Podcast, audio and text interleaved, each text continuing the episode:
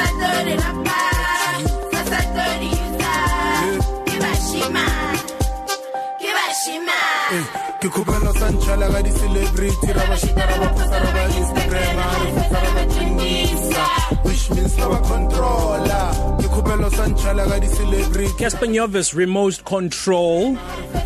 Isizathu sokuthi sidlala uCasper Nyovest ukuthi sixoxa naye njengamanje ohlelweni 12 to 3 cafe. So ialbum yakhe yokuqala yaphuma ngonyaka 2015 ithe iphuma isingle yayo yokuqala yayisizungeze ilokidlalwa kuyiyona yodwa nje isikhathi esingaphezulu konyaka leyo album eh uthulufile kanti leyo ngoma engikhuluma ngaye yayithi gusheshe. Wayeyikhipha ke ialbum la kwaphuma khona ingoma ezifana no Doc Shebeleza phuma kimi kanye nezinye eziningi ngiyakhumbula nje ngama Metro FM Awards ka 2015 ukuthi wawola. Okuyila khona esambona futhi e stage eh, ukuthi ukwazi ukwenza ezibukwayo kangakanani ngoba akujwayelekile abantu abahome rapper sibabone benza izinto eziyimdanso ethe ukuba nzima nyana singayibiza nge choreography kodwa wakwenza lokho kusukela lapho sesibona ama performance eh, abantu aba home rapper noma ama rappers ngendlela ehlukile kuze kube manje. So singambiza njengomuntu ofike wazokwenza umehluko omkhulu kwindima akuyona yomculo. Lo esikhuluma naye namhlanje urefile maye lephulo Casper Nyovest njengamanje besivumelene ukuthi la ngafinyeleli khona olimini lesizulu eh usiyawu uzozama ukuthi alekelele ahumushe khona sizozwa sonke. So ke kunginikeza intokozo ukuthi eh ngibingelele namhlanje eh ku Good Friday. Wokuqala la khona abantu bengayile emasontweni kuyokhonza endaweni ezahlukahlukene ngenxa ukuthi sikuyi lockdown urefile mayile phulu esimazi ngo Casper Nyovest. Siyakwamukela mfowethu ohlelweni unjani? Ukhona wena? Ngiyaphila. Wakhathala kangaka ngoba phela ama concert awekho kulezi insuku yini ekwenza ukuthi ukhathale? Ah angazi yazi maskipi 13 nashinshi la silali esuku yeah so yeah ayinkinga mangizama ukulala angazi ukuthi kwenzakalani. Ngiyabona ngoba vele isikhathi esiningi kuhlezeni isemgwaqeni so umzimba mawusuthola ukuphumula okuningi uyayibuza nawe ukuthi kwenzakaleni. Mm nami inembhedo confused. Siceda kudlala ingoma encandweni Christ Ambassadors. Ngikubuzile ngaphambi kokuba singene emoyeni ukuthi abaculo baziyo. Uma kuukuthi awubazi iplaylist ka Casper ye gospel no makuyisonto noma kuyizo lezi insuku zephasika uyayudlala obani? Ah amadodana sewesele aha. Yeah ne Hillsong so mina ngikhulele eSt John. eSt John. Simpili yeah konje kuthiwa isechibini ngokwala kuthiwa isechibini ibizwa kanjalo iSt John. Ecibini echibini yebo. Okay ngiyafunda ke. Angikuncome nje ukuthi so far so good isizulu sakho. Bengeke ngikuzo kwezinye indawo ngithi mina hey la eh inkinga yodwa kodwa so far so good. Siyabonga kakhulu mfowethu. Ngingomunye wabantu abafuna ngingomunye wabantu abafuna ukuyoyithengela amathupha now. Ngikwi-industry njengomsakazo ngangayithola ialbum yakho yokuqala Thulufilo em kodwa ngingafuna ukuyoyithengela iCD ngangayithenga ngisho eh, kuma downloads la digital ngafuna ukuyoyithengela ngenxa yokuthi umsindo owawusuwenzile nomdumo ukuthi something big is coming ngesikhathi kuphuma kuphumele ingoma igusheshe. Angisho nje ukuthi ialbum lived up to the expectation ngesikhathi iphuma ngo2015 awusibuyisele kuwo u2014 2015 usalungiselela yona ialbum yakho yokuqala. Wawunakho emqondweni wakho ukuthi izoba impumelelo engaka nokuthi brand ka Casper izokhula izifike la isikhona njengamanje? Yazi mm, bengina 8 years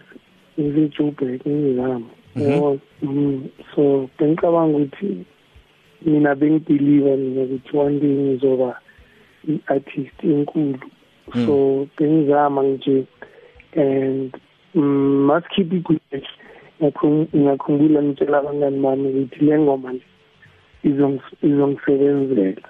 You ngibatsheli before ngiyikhipha ngibatshele ngithi le ngoma eh izongisebenzela izongisebenzela and izoba eh izo change industry. Yeah. so then ngiyakhumbula ukuthi before ngikhipha benginayo ithemba yeah. So so yeah so mangikhiphe album eh anga angizosho ukuthi eh bengazi because you know it's one thing no mau mau believe into and another my my Yeah. so uh I was uh I was hopeful but my yenzeka you know it was just something else. Yeah yeah. Aba- abaqali bendlela kwi kwi rap noma i hip hop yaseningizimu Africa uh, or prophets of the city uyabakhumbula uh, uzobakhumbula n- n- no squatter camp ngicabanga ukuthi commercially ibona ab, ababa nedumela kakhulu. Usakhula eh emahikeng. Obani abantu kade Yeah. ubukela kubona? Mhlasimpe khona la eningizimu Africa naphesheya kwezilwandle uWHP ah. Yeah the role model uh, uh, for thina. Ngithi mina ngikhulele emafikini mhm. So eh siyasikhule siameli motswako. So uWHP uyena umuntu osifundisa industry ngendlela eh yemusic yakhe and also ngoba bekarepa ngesitswana. Mm. So uh isquatter camp ne prophet of the city babayenza hip hop for eh, and and basizile but uWHP uyena umuntu ongikhulile eh eh ngi umlandeli Ngimamela ubukela yena. kuyena yeah. Yeah ngibukela yena ngimamela yena. So ngizo ngizo ngizosho ngizosho ngithi uWHP uWHP engathi umphefumulo wakhe ungaphumula ngokuthula sizobuya kwicareer yakho nokuyicubungula nazo zonke izinto ezahlukahlukene kodwa ake sifast forward nje okwamanje ngoba sizoya kwi sports bulletin ake sifast forward kulesi sihlava noma kulombhedukazo le pandemic ye corona eh, i- i- umhlaba wonke obhekene naye U- u- njengomuntu osebenza ngabantu ukusebenza kwakho futhi kuthi phumela ngaphandle ngabe unalo uvalo njengeciko an entertainer and a creative ukuthi lokhu kuzoba nomthelela hayi kakhulu hayi kuphela emalini kodwa mhlambe kwi brand ifadalale maybe a lot of brands will take a knock? Eh ngicabanga ukuthi sonke besi confused si shocked so ungumuntu manje uyacabanga ukuthi eh sizenza kanjani ngoba sazi ukuthi mhlambe ngomso upresident uzothini or ngoba besingacabanga ukuthi mhlambe eh, one day sizo ba sizoba noyona i- i-corona so mm. so i- manje kumele sicabange sizane you know sicabanga Yeah. ukuthi sisenza kanjani manje mina bengicabanga ukuthi i- isi- yabona ukuthi abantu banama online concerts njalo njalo yabona so Mm. a- a- a- an- an- a- angicabanga ukuthi abantu bane banempendulo manje. Siyacabanga nje ukuthi sizosikana kanjani sizenza kanjani ukuthi khona ukuthi sinepapa. Ya ngiyakuzwa Casper ngizozama ukuthi njengamanje sizothola ezemidlalo ebese sibuya siqondisa inkulumo yethu mhlambe sokwazi futhi nolayini ukuthi sulungise kahle 28 minutes before 3 sixoxa no Casper Nyovest ohlelweni 12 to 3 cafe Oh, I like the way you move from me. Move from me. Oh, I like the way you move Casper Nyovest boskasi move for me from me. Bengicabanga nje Casper um there's a there's a there's a site that I saw uh, a, a couple of days ago that speaks about imize biza kakhulu most expensive houses in the world. And what makes them expensive is that they have underneath bunkers that protect um the people from anything that comes like pestilences like whatever we're having right now. And I'm thinking mhlasimpe now ingakho nje ulayini wethu ngekho muhle is that you've got one of those expensive houses and you're hiding underground. wouldn't it be nice to have one of those though Hey boy, it- it's too expensive. I remember when I was building my studio, Mm. um, I inquired about building like an underground situation, Mhm. and it cost about 1.4 million just too big. Wow, imagine that. Yeah, so I wish I had that kind of money. Yeah, man, but thank goodness we don't have situations in this country that makes us um scared of of big wars. Let let this coronavirus go away and then and then we'll go back to normal. But coming back to ingxoxo yethu Casper Mfethu, um ngi- ngifuna ukuthola la ukuthi njengomuntu omrap okay? So isipho sakho leso sokucula noma sokurapper kodwa kulezi ikhathi esiphila kuzo manje we seeing that musicians and creatives are not just content with the success coming alone from the rapping. There's a lot a lot more that is incorporated if the brand is to become really as big as it should? What have you done? And and sike sakubona uba proactive with certain brands uba ubafaka engomeni zakho and and the things that you've done really uh, to complement your brand to go even further? Yeah, I mean, you know, it's, I'm, I'm a person who who thinks, you know, um, before you get in the industry, we make sure that we research. yeah.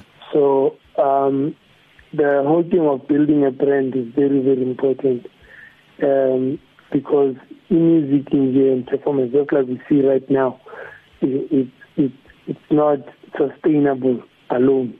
Mm. You know, without um, shows right now, everybody's home and we're not making money. But because of me being able to think about the brand, about being able to match with brands like Ciroc, which I'm still getting paid from, you know, Samsung, even though I'm home, you know. So um, even right now, I'm thinking if you, if people realize I was starting to play FIFA online because that's another industry that people haven't tapped into, the wow. gaming industry, Yeah. which is a billion dollar industry. Actually, people don't know true because there's a lot of people who just sit home, they play games, and make a lot of money. yeah So it's really about using your brand and, and thinking how you can influence certain other markets and, and tap into that. You Yeah, know? yeah. So I have an amazing team, you know. I'm not alone. And I, I brainstorm and I give them ideas and I them, influence that mentally and then I'll go research and then we'll do together. So it's all about this information. You know, you have to be smart. Nowadays, internet is there, you know, things are very easy for us. Unlike back in the cut where it was very tough just to get a phone call from a- guy who works at Samsung to who do you speak to, yeah you know. So it, it's really about just researching and that's, that's, that's what we did in the beginning. We, we wanted to know which, Jay-Z, or how much money does he have? How did he make that money? Oh, okay, he started his own record label. Started our own record label. Okay, fine. What else did he do? He owns his masters, his music. I own all my music, 100%. And that's how you make more money with your music. So in Zambia, you find that uh, there's a brand that wants to buy your song. Most people who are signed to other record labels, they'll only see 20% of that revenue because Yeah. they don't own their music. yeah For me, I get a hundred percent of it because I own my music, and then we do our own negotiations as well. So it's really about a re- it's about research, you know. Uh, abantimele bafunde industry, bafunde uh, brand development and so on and so forth. I just want to know because mina ngiyazazi uh, as a creative as umsakazi ukuthi kwesinye isikhathi umuntu kafike emoyeni and and thank goodness we have a team of producers kuvele kume e- e- engqondweni ungazi ukuthi uzothini do you ever run out of creativity run out of verses Yeah. and punchlines but the pressure is there for you to go and record and how do you manage that to work for you Yeah, I do. Uh, You know, uh, amalanga akafani, you know. Mm. Some days everything flows, some days it doesn't. But I'm I'm a human being who doesn't force uh, in terms of making music. yeah You know, sometimes ngiyahlala nje 3 6 months of making music because nje I'm not inspired. You know, I just sit, you know, and fortunately because uh, of like what we spoke about earlier, I make money from other things. I don't have to always be releasing music, and sometimes I release things that I'm not happy with. I don't have to do that. mm, mm. So uh, sometimes ngiyahlala nje and I'll wait for something to inspire me or something to hit me, and then I'll get into studio and make music because I never ever release music that I don't like, that I'm not personally happy yeah with. yeah yeah Yeah. Let's go back to the 2nd of December 2018. The location was FNB Stadium, Gauteng, South Yeah. Africa. And and and the irony is that you had not necessarily had the best of seasons building up to fill up which was the day before in Durban at Moses Yeah. Mabhida Stadium but you were Yeah. able you were the last performance before Beyonce and Jay-Z and the intensity of your performance was something else Tell us about it. What was going through your mind? Kwakwenzakalani ke kuwena ngesikhathi stadium sonke sishaka kanye nawe? yazi the funny thing is bengama earpiece ne Mhm. So mang perform on that night i uh i didn't hear anything. So um i was just performing my heart out because you know i wanted to represent Mzansi which you know Beyonce they must know also which you know there's stars here and and we can perform. But i couldn't hear the crowd. So i i wasn't aware that you know people were going crazy like that i mm. only realized when I watched the videos after when I got off stage, you know, everyone was talking to me, you know, Asha, Pharrell, everyone was like losing their minds when they see me, they'd point at me. So I'm like, yo man, that means it did make a an impact. I remember even at the club, you know, at Sue, Yeah. uh, I was passing and Asha tapped Pharrell and said, yo, there's that guy. Know, and I was like, whoa, that's crazy. so, and then when I watched the videos after, I remember, you know, Instagram also tells you how many people visited your page and whatever. There was 500,000 people who visited my page on that night after that performance. So you can imagine around the world, you know, how many people were impressed by it. So, uh, on the night, I prayed, you know, it was after my bida, and we just prayed and we were on stage and just gave it our all. Yeah. But we were not aware of what was happening, and it, it was just God, you know. Yeah. It, it, Yeah. it was just God showing off. Yeah. Uh, before I let you go Casper, you are Yeah. you you barely 30 years old. In fact, you're turning 30 ngomhla ka 16 December walonyaka. Yeah. Usawumuntu omusha. Kodwa eyakho impilo, i- i-success yayo isikwelinye izinga. Siseningizimu Afrika njengamanje la vele umuntu omusha young people abaningi abasebenzi ngenxa yamakhaya esibuya kuwona nezinto zobupha the poverty and unemployment that is there um nayi ne COVID-19 esidala ukuthi uma kuthiwa siyaphuma kwi lockdown vele sekuyaziwa ukuthi baningi abantu abangeke babe nayo emsebenzi as a successful young person living in South Africa with your talent what would you say to other young people listening to you right now on a good friday praying their hearts out to God to turn the tide of what is happening in their lives? And and they have Casper Nyov the likes of Casper Nyovest and as examples of those who are having things working for them in this lifetime. You know, um, I, I, I don't know about everyone, but me, if I have to speak for myself, um, I believe in a in a in a specific God. You know, yeah when you when you when you pray, I I believe you must pray specific prayers. You know, so you know you know sometimes when you're young, you pray to God, God, may I please have money. It, it doesn't make sense. You know, mm-hmm. but if if you've got plans and say, I want to be a doctor, I want to be a lawyer, I want to be, and you're praying to God, you're praying specific prayers to God. This is what I want to do, and this is what I need. That's what worked for me. You know, I was praying for this dream for a very long time since I was young, and I knew, and I was plowing and, and working towards it as well. Because you know, I think we live in a country where yes, there's poverty, but also we have a lot of lazy youth that sit and wait for the miracles to happen. Miracles only happen when you are waking.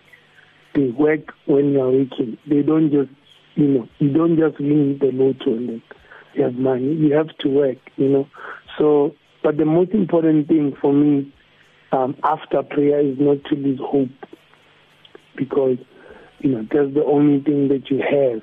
Sometimes you're in a situation where you are the only person who sees your future. Everything and everyone around you does it.